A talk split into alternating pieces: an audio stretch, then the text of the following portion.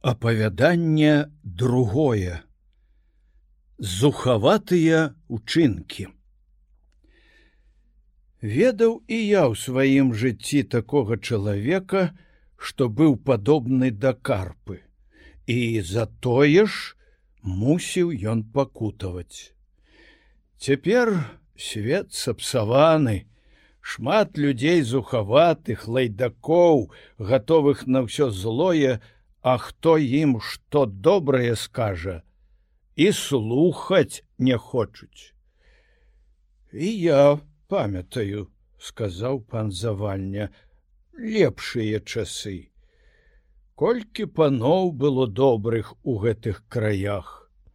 Люба было глянуць, якая сціпласць і ціхамірнасць панавала ў святыні Божай. Кожны меў у руцэ каронку, і ксёнджачку пашана была старэйшым і любоў братэрская. А цяпер у касцёле чуеш адны шэпты ды смех. Здаецца, для таго толькі прыйшлі, каб паказаць свае модныя ўборы. Мода і фармазонія іх загубіла, а праз іх і іншыя пакутуюць. Мне здаецца, дядзечка, што людзі заўсёды аднолькавыя і даўней, як і цяпер былі злыя і добрыя, былі шчаслівыя і нешчаслівыя. О не, Янка, Табе не ўбачыць, што старэйшыя бачылі. Не вернуцца даўнія часы, а будзе яшчэ можа і горш. Ну, кажы ж нам сваю аповесць, сказаў ён да падарожнага. Калі быў я яшчэ зусім малады, памятаю, жыў у нашай вёсцы селянін Антон. Меў ён добрую гаспадарку, беднасці не ведаў, а што быў бяздзетны, дык узяў дзіця невядома ад якіх бацькоў. Яго ахрысцілі і далі імя Васіль гадаваў яго як сваё роднае. Калі хлопец вырас, дык пачаў ганяць гавяду на пашу, але быў вялікі гультай і свавольнік. Заўсёды скардзіліся на яго, то каровы пусціць на засеянае поле, то аблае каго брыдкімі словамі, то ў каго каменем кіне ідуць скардзіцца антону але антон любіў яго. І калі казалі яму што ён быццам і не чуў патураў яму ва ўсім.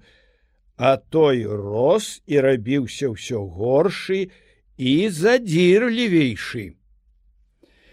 Сабраліся аднаго разу мы на прыгон. Было тое пасля святого пятра і васіля таксама паслалі з хаты на працу Ён, як звычайна з кожным задзіраўся, ні пра аднаго чалавека добрага слова не сказаў. Быў тады дзень надта спякотны.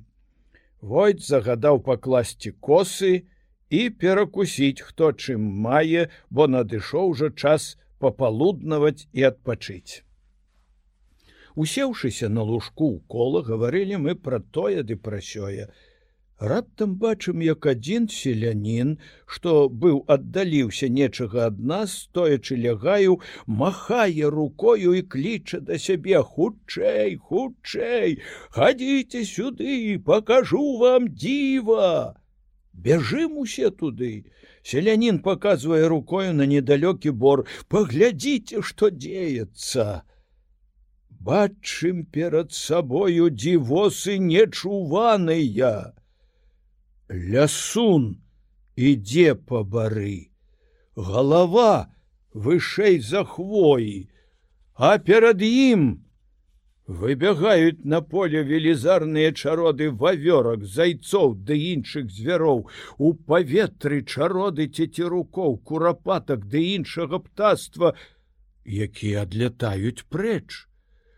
Лясун выходзіць з лесу ператвараецца ў карузліка і адразу ж з поля і лугоў падняліся матылі і іншая жамяра, як бы цёмная хмара закрыла нашу ваколіцу.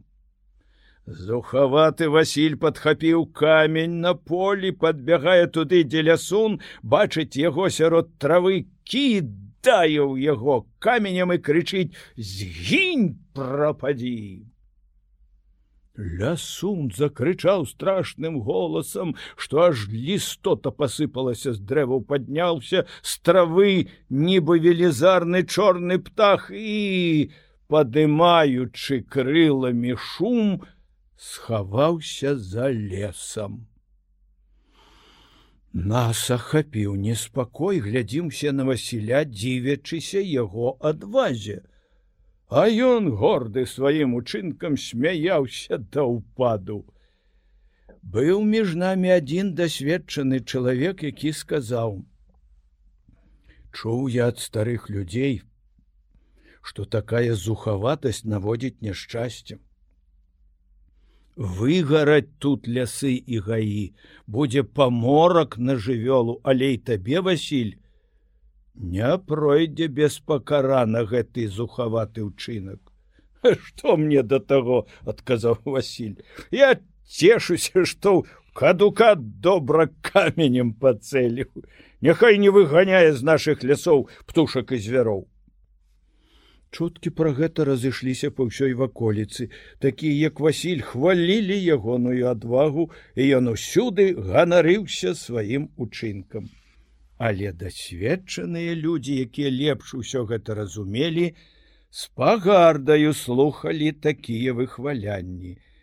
І Антон, ціхі чалавек, засмуціўся, калі пачуў пра тое.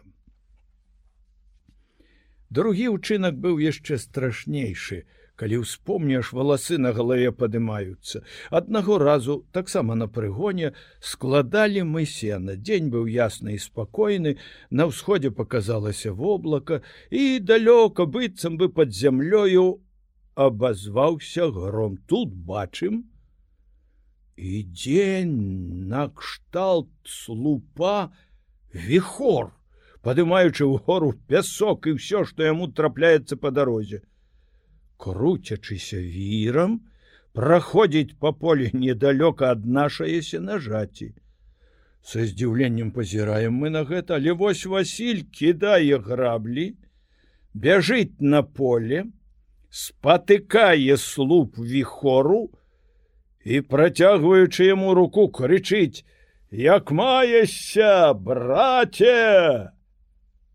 а з клубоў пылу падае яму нехта чорную як вугаль руку. Слуп круцячыся пайшоў далей па полі страх агарнуў усіх нас. Вярнуўся Васіль але ніхто яму слова не наважыўся сказаць. Зразумелі все што ён за пані брата з духам праклятым. З таго часу ніхто з ім размаўляць не хацеў. Усе яго баяліся і нават тыя пачалі ад яго ўцякаць, з кім ён раней сябраваў. Чутка пра ўсёй воласці вядомае здарэнне дайшла да вушэй пана ды аканома. Яны не хацелі гэтаму даваць веры, калі неяк пану маёнтку запытаўся самога Васіля, ці праўда тое, што кажуць, ён лаячы ўсіх адказаў: Дурням заўсёды нешта трызніцца, абы разносіць хлусню і плёткі. І пан яго не чапаў. Антон добры чалавек, заўсёды ўнушаў Васілю страх перад Богом, імкнуўся выправіць, змушаў хадзіць у касцёлы маліцца. Ён жа смяяўся з усяго, усім пагарджаў да ішоў замест імшы у карчму. Нарэшце вырашыў ён ажаніцца. Антон меркаваў, што добрая жонка і перамена ў жыцці выправяць яго пасылаў сватоў не толькі ў сваю, але і ў чужую воласць. Ды паўсюль адмаўлялі, бо слава пра яго нядобрыя ўчынкі разышлася далёка. Васіль пагарджаў усімі і кпіў з усяго, кажучы, што ён даўно ўжо сам сабе нагледзеў невесту, якая яму найбольш даспадобы. Не хацеў спачатку пра гэта нікому казаць, але цяпер абвяшчае ўсім, што закаханы варыніну дачку алюту, што прызнаўся ёй ужо і атрымаў ад яе абяцаннем пачуўшы гэта Антон вельмі засмуціўся і раіў яму адмовіцца ад гэтага намеру, бо пра арыну ходзяць чуткі, што яна кабета злая і лічыцца чараўніцаю, а яблык ад яблыні недалёка падае, дык можа і дачка будзе такою. Аднак усе парады былі дарэмныя, і Васіль яшчэ часцей пачаў наведвацца ў арыніну хату. Гледзячы на гэтую яго прыхільнасць да алюты, адны суседзі са смехам казалі: Пазнаў роўны роўнага, будзе пара поўная. Іншыя хвалілі, а люта будзе добраю жонкаю і не пойдзе па матчыных слядах. Былі такія, што казалі быццам ягонае каханне несапраўднае быццам яму паднеслі нешта ў пітыве і хоць ён за панібрата з д'яблам трапіў на лепшую і сам быў зачараваны. Шчыра стараўся антон змусіць яго адмовіцца ад свайго намеру. Нарэшце прыгразіў што вырачацца яго такую невестку не прыме ў хату і маладым на гаспадарку нічога не дасць Я і не прашу ні ў кого дапамогі, адказаў Васіль. Знайду ўсё сам, здабуду і грошы і апякун такі, як ты. Можа, сам прыйдзе, калі да мяне просячы дапамогі. Антон пайшоў да кума марцінам. Быў гэта чалавек пачцівы і гаваркі, рады кожнаму параіць і дапамагчы, таму і любіла яго ўся воласць. Марцін ахвотна паабяцаў прыгледзецца да гэтыя справы і адлучыць маладзёна ад тае прывязанасці. Даў нават слова, што будзе сябраваць з ім і кожны раз адгаворваць ад тае жанітьбы калі Васіль пачуў ад апекуна, што не будзе мець ніякай дапамогі, вырашыў шукаць скарбы, нават калі б і былі яны заклятыя ці моц шатанскую мелі. За дзве вярсты ад ягоныя вёскі быў ля дарогі пагорак, акружаны з двух бакоў яловым лесам, а на пагорку ляжаў велізарны камень, які людзі называлі цмокаў камень старыя людзі так пра яго апавядалі. Аднаго разу ўлетку ў ціхую пагодлівую ноч з поўначы на поўдзень ляцеў палаючы агнём цмок. Нёс нібыта з сабою шмат золата і срэбра грэшніку, які прадаў д'яблу душу бачылі гэта падарожныя і людзі, што вярталіся з прыгону.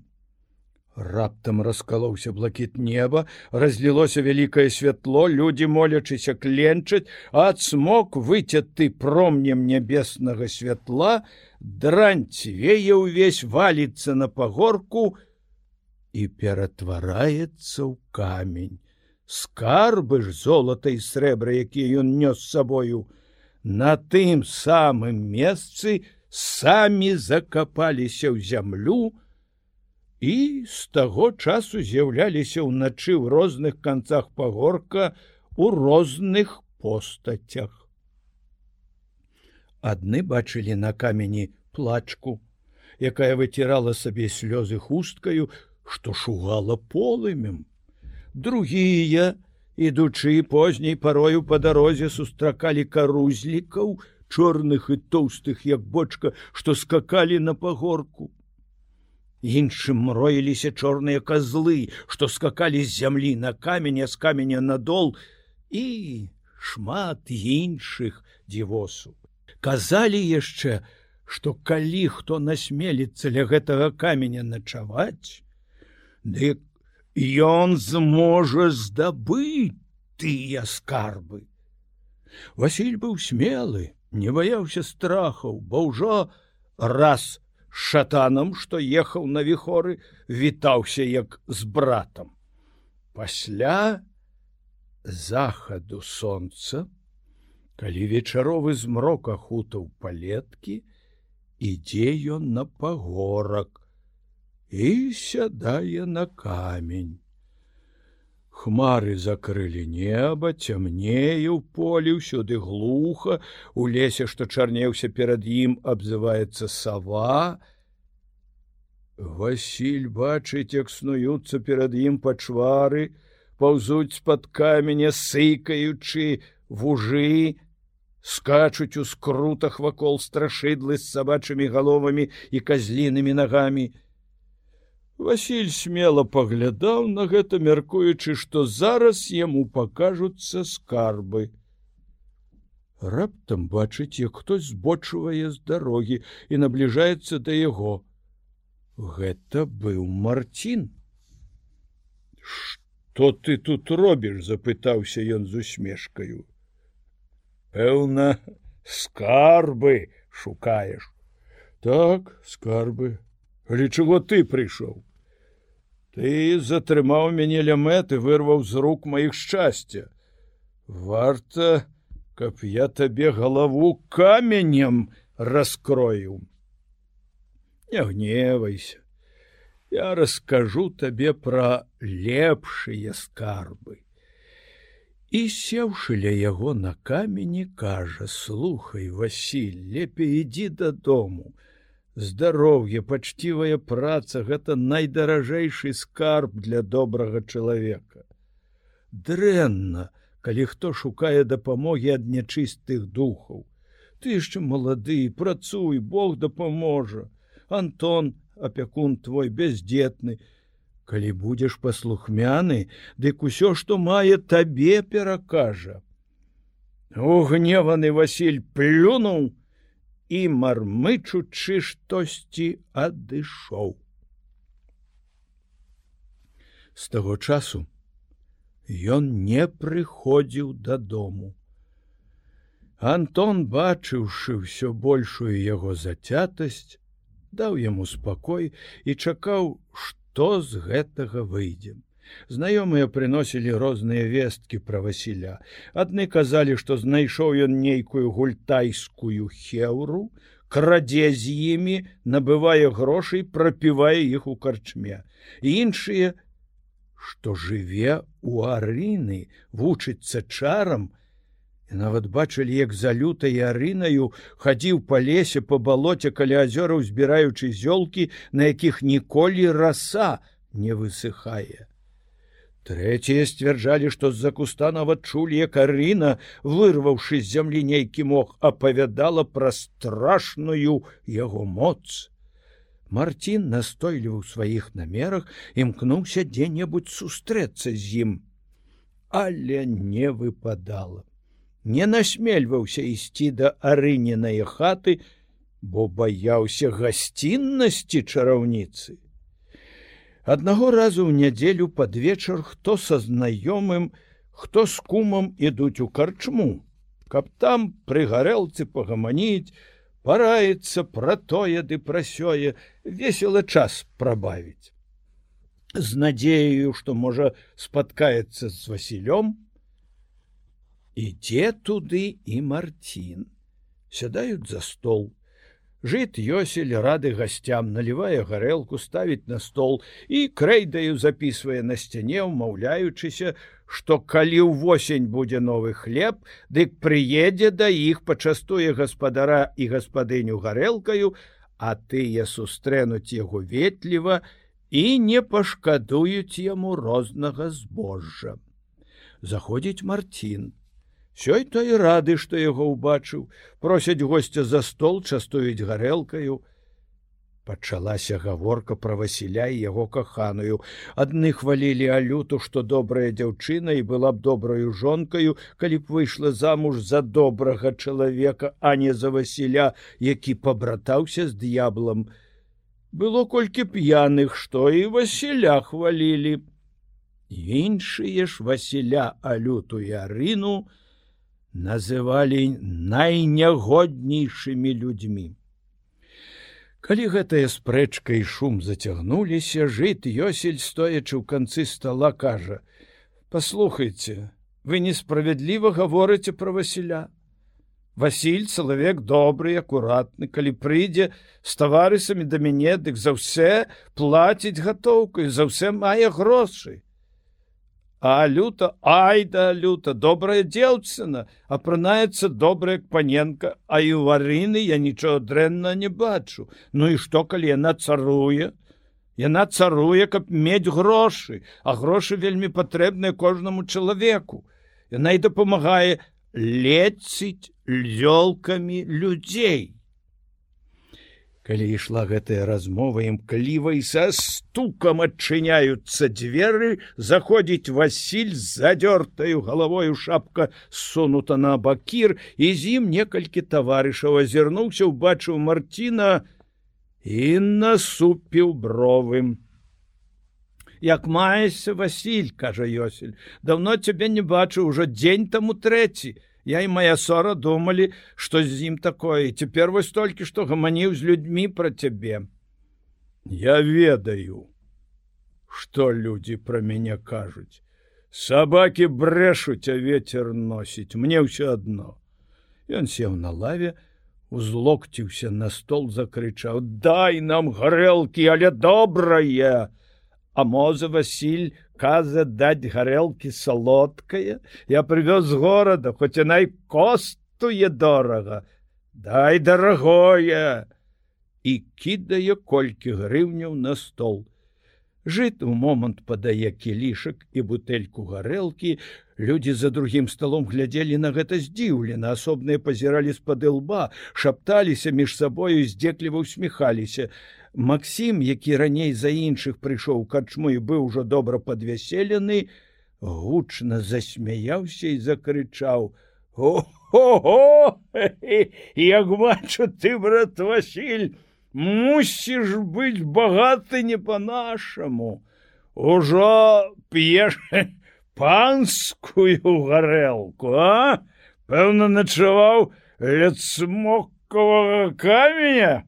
Знайшоў грошы або можа арына? Что маю быць твою цешаю нейкімі чарамі насыпала табе срэбра поўныя кішэні а? Ухзух Васіль гледзячы на яго з гневам с табою ніхто з нашага таварыства не гаворыць і ніхто да размовы не запрашае.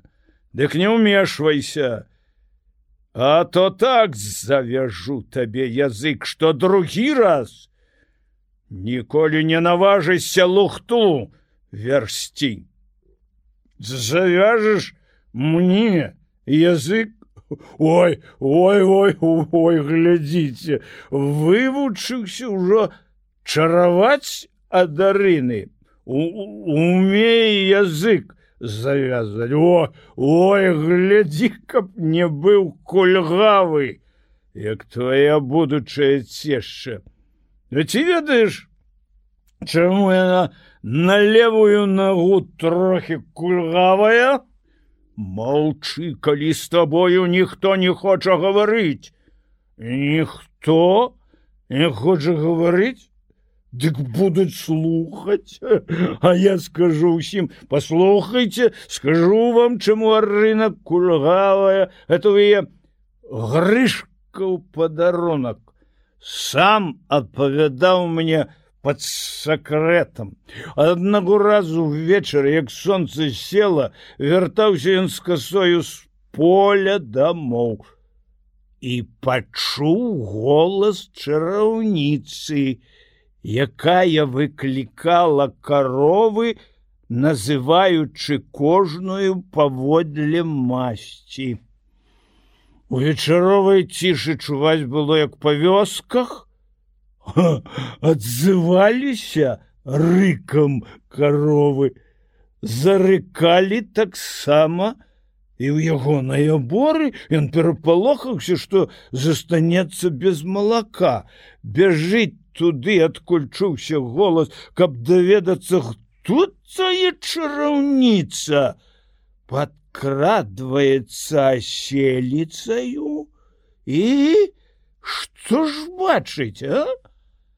Арына седзячы на плоце з ускудлачанымі волосамі дзікім спевам спраўляла чары а будзе бяда подумаў сабе трэба ёй як-небудзь перашкодзіць. Дык бяжыць дадому і кладзе на варотах аборы свянцовыя зёлкі васковую свечку. Ледзь адышоў колькі крокаў, бачыць, прылетае сарока, разграбае зёлкі ідзе ў без свечку. Грышка бяжыць у хату, хапае стрэльбу, набітую дробным шротам, стрэлю, посыпаліся пёркі. Одна сорока полетела прэч. На другі дзень ён пачуў что арына параненая ў левую ногу і хворая ляжыць у ложку. Зразумеў усё і думае сабе а мае памятку аднак баяўся помсты, бо хутка завязала на яго залом у жыццем.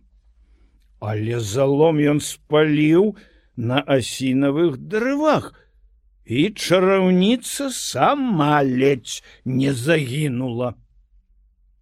Васіль у гневе схапіў бутэльку, кінуў яе ў Масіма, трапіў у самыя грудзі. Подскочылі адзін да аднаго і ўшчалася бойка. На шчасце з блізкага маёнтка ехаў конна аканом і пачуўшы пранізлівы крык арандара павярнуў да карчмы Йосель бяжыць насустрач аканому. Ай дабрадзею забойства ў карчме гвалт што тыя п'яніцы шкоды мне нарабілі! Соскочыў аканом з коня умешваецца ў метусню пагражае што заўтра за п'янства всіх сурова пакараюць і кожны з іх заплаціць за ўчыненую шкоду. У момант суняліся. Аканом выганяе іх з карчмы і загадвае ўсім ісці па сваіх хатах гэтак і разышліся ў розныя бакі пагражаючы адзін аднаму адпомсціць Йосель распавёў аканому, як усё было з прычыны звады, не вінавацячы аднак Васіля.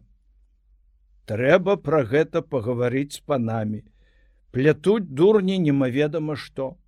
Дарэмна крыўдзяць бедную удаву і дзяўчыну, якая ні ў чым не вінаватая. Балбочуць пра нейкія арынены чары. Я раней гэта не высвятляў ды толькі ведаю што яна зёлкамі многім людзям дапамагае вось нядаўна сам бачыў як у маёнтку паненцы тарэзе вылечыла лішай на твары Праўда каладучы ў холодную ваду нейкія каменчыкі яна пашаптала і холодная вода кіпець пачала як бы на агні казала мыць гэтай вадою твар і пані Тарэза хутка ачуняла. Такія чары не толькі нікому не шкодзяць, але наадварот карысныя.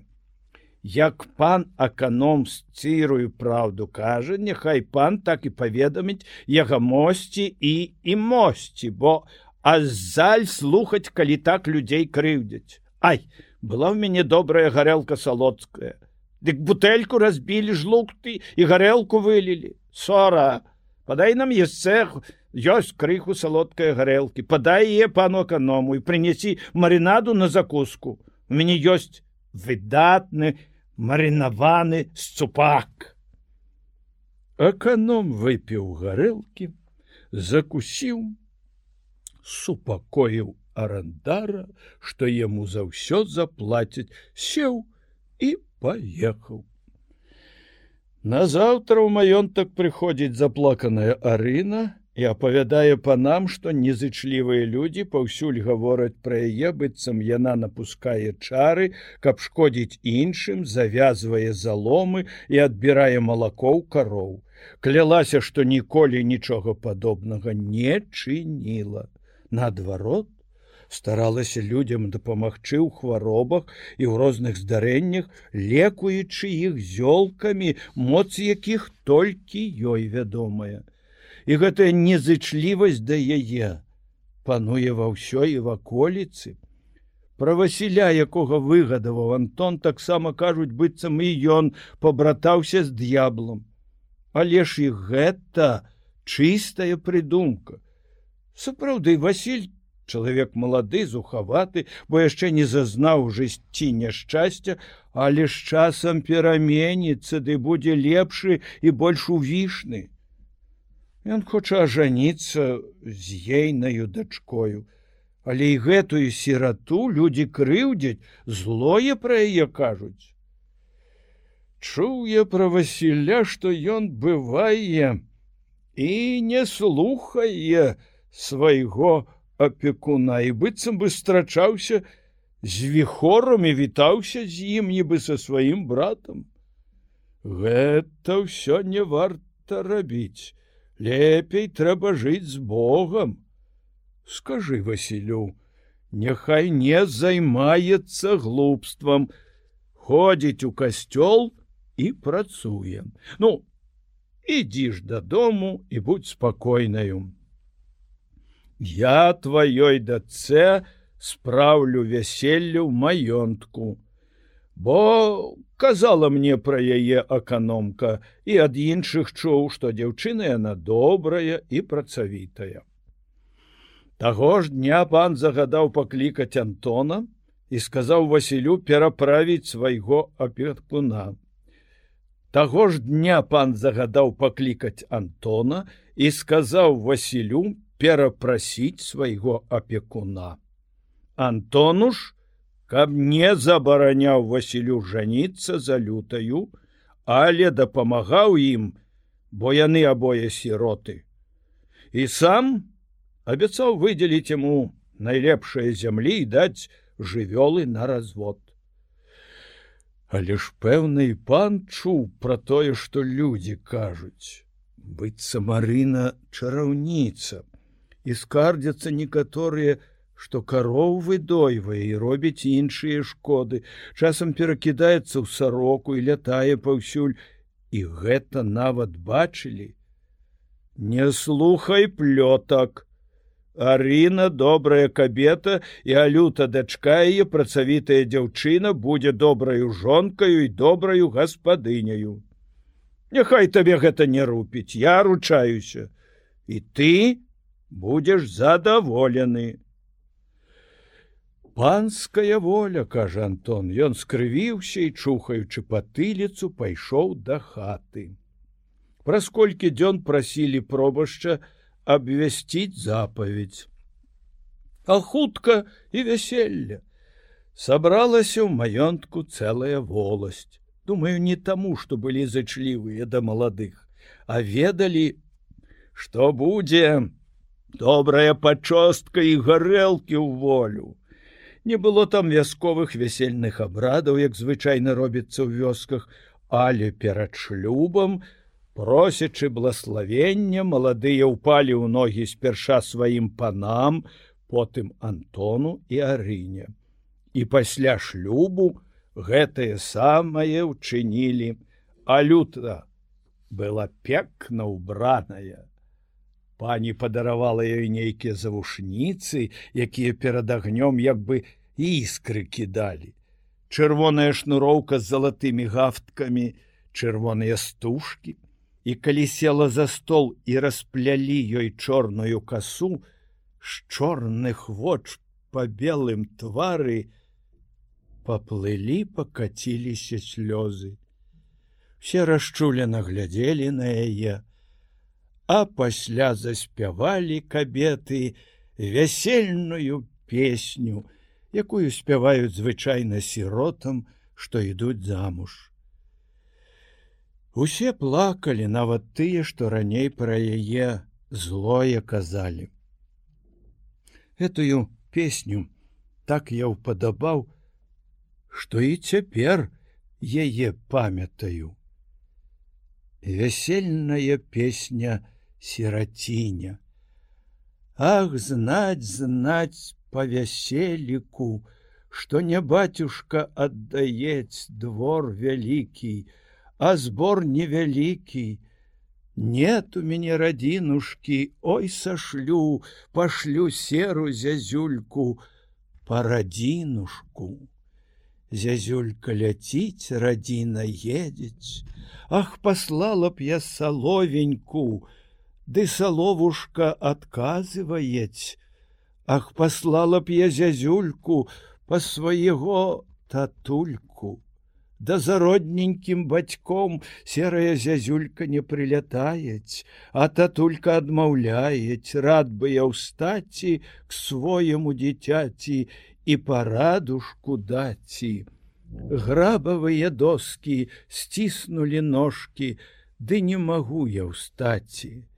Сырая зямля дверцы залегла і акошачка засланіла маго батюшку на вяселіка не пусціла.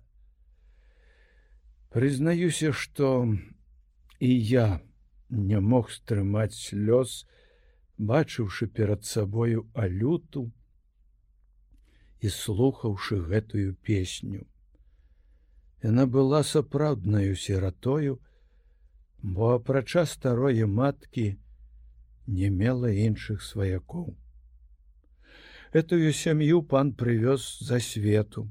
Раней жылі яны дзесьці далёка за дзвіною, і бацька Алюцін памёр адразу ж, як прыехалі ў наш край. Госці гулялі, пілі адзін да адным, добра падвесяліліся. Дуда зайграла песні, і танцы не спыняліся, всю ноч. Але ўсё было прыстойна, бо паны эканом часта наведвалі вясёлай ігрышчам. Пасля вяселля добра адораны панам і Антонам Васіль ужо з самага пачатку гаспадарання меў колькі коней, кароў ды іншыя жывёлы. Новыя зручныя будынкі, ды колькі дзесяцін урадлівыя зямлі дастаткова на ўсе ягоныя патрэбы. Але цікава, сказаў пан завальня, ці перавыхавала яго алюта, бо ёсць прыказка, хто ажэніцца, той пераменіцца. Не, паночку. Кажуць людзі, што калі родзіцца жарабя з лысінкай, Дык з той самай лысінкай і ваўкі з'ядуць. Дзіўныя рэчы на свеце. Кажы ж далей. На сваёй гаспадарцы Васіль быў надта ж нешчаслівы, хоць нейкі час здавалася і перамяніўся на лепшае. Дзіўна, што страчала яго адна бяда за другою выганяць пастухі жывёлу за вёску ў поле, выбежыць з лесу воў схопіць барана. Калі разгледзяцца, дык бачыць, што той баран быў Васілёў. Здаралася гэта некалькі разоў. І заўсёды воўк нібы выбіраў толькі Васілёвае. Ходзяць гусі па полі, ускочыць лісай падушыць іх. Гусі былі Васілёвы Карова ягоная раз заблукала каля возера, убілася ў балота, пакуль прыбеглі на дапамогу, утапілася. І гэтыя несканчоныя страты давялі яго амаль да галечы. Неяк загарэўся бор, збеглася ўся воласць. але не далі рады. Полымя, як хваля на возеры разышлося па ўсім бары, шугаючы ў гары яно ахоплівала густыя лапы яліны хвояў, а дым, як страшны туман закрыўся неба і зямлю так, што ледзь можна было дыхаць. Бегаючы па лесе і збіваючы венікамі полымя, папалілі мы на сабе вопратку. Але ўжо не было ратунку блізка быў васілёў дом і скрынка залетела ў гумно і згарэла збожжа. У тыя дні па ўсёй воласці людзі казалі што гэта адпомсціў васілю лясун якога ён некалі выцяў каменем. Калі той звяроў і птушак пераганяў з аднаго лесу ў другі а стары чалавек прадказваў яму пажары і паморак на жывёлу Васіль ад гора яшчэ часцей пачаў наведвацца ў карчму. Яго жонка і цешча працавалі дзень і ноч і стараліся адвярнуць яго ад благога. Ён зноў вярнуўся да зухаватых і бязбожных сваіх учынках. Аднаго разу Антон, Марцін ды іншыя, хто яму шчыра спрыяў, прыйшлі да яго ўвечары і нагадалі, каб цярпліва прымаў свае бядоты. Мо калі-небудзь Бог усё пераменіць на лепшае. У гэты час насунулася хмара і пачалася навальніца. Ён задумлівы сядзеў ля вакна. Вецер завыў за сцяною, а ён, як непрытомны, прамовіў: Мой брат выючы праімчаў паўз маю хату і паляцеў гуляць па шырокіх палях і густых лясах. Хутка і я за ім туды паспяшаюся.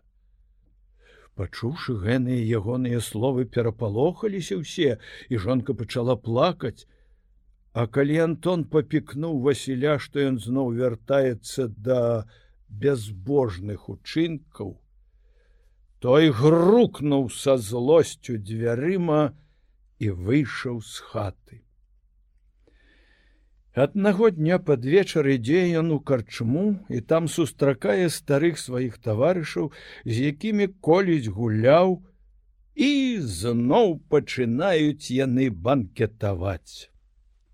Васіль, калі ўжо добра падпіў, кажа ім: Згалеў я зусім згалеў, але хутка буду багаты. Прыйшла мне ў галаву добрая думка.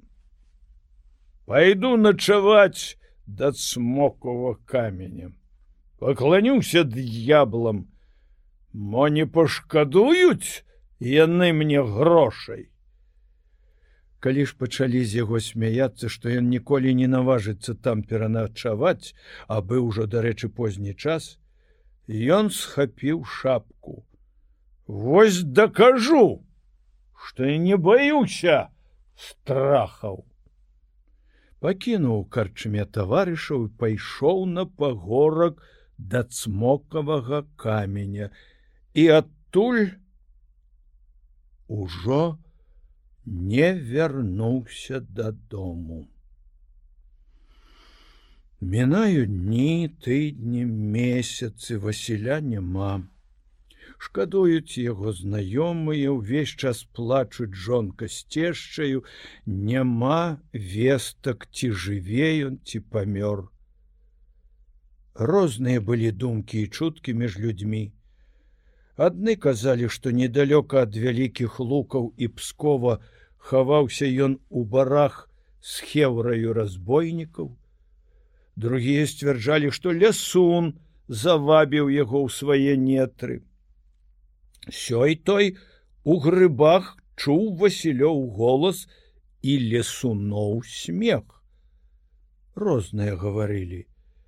Васіль жа згінуў назаўсёды Старая Арына дзень пры дні гледзячы на слёзы сваёй алюты, страціла здароўе і неўзабаве памерла. Алюта і цяпер яшчэ жыве ў панскім маёнтку. Ні ўдава, ні замужніца.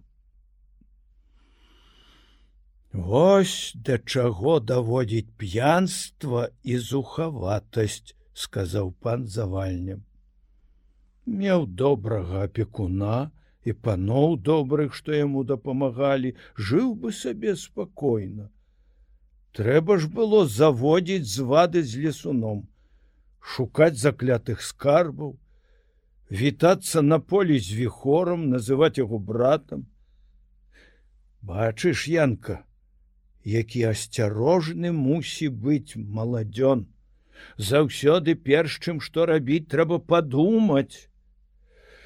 Не ведаю дядзечка, у чым ён тут правініўся, калі назваў братам віхор.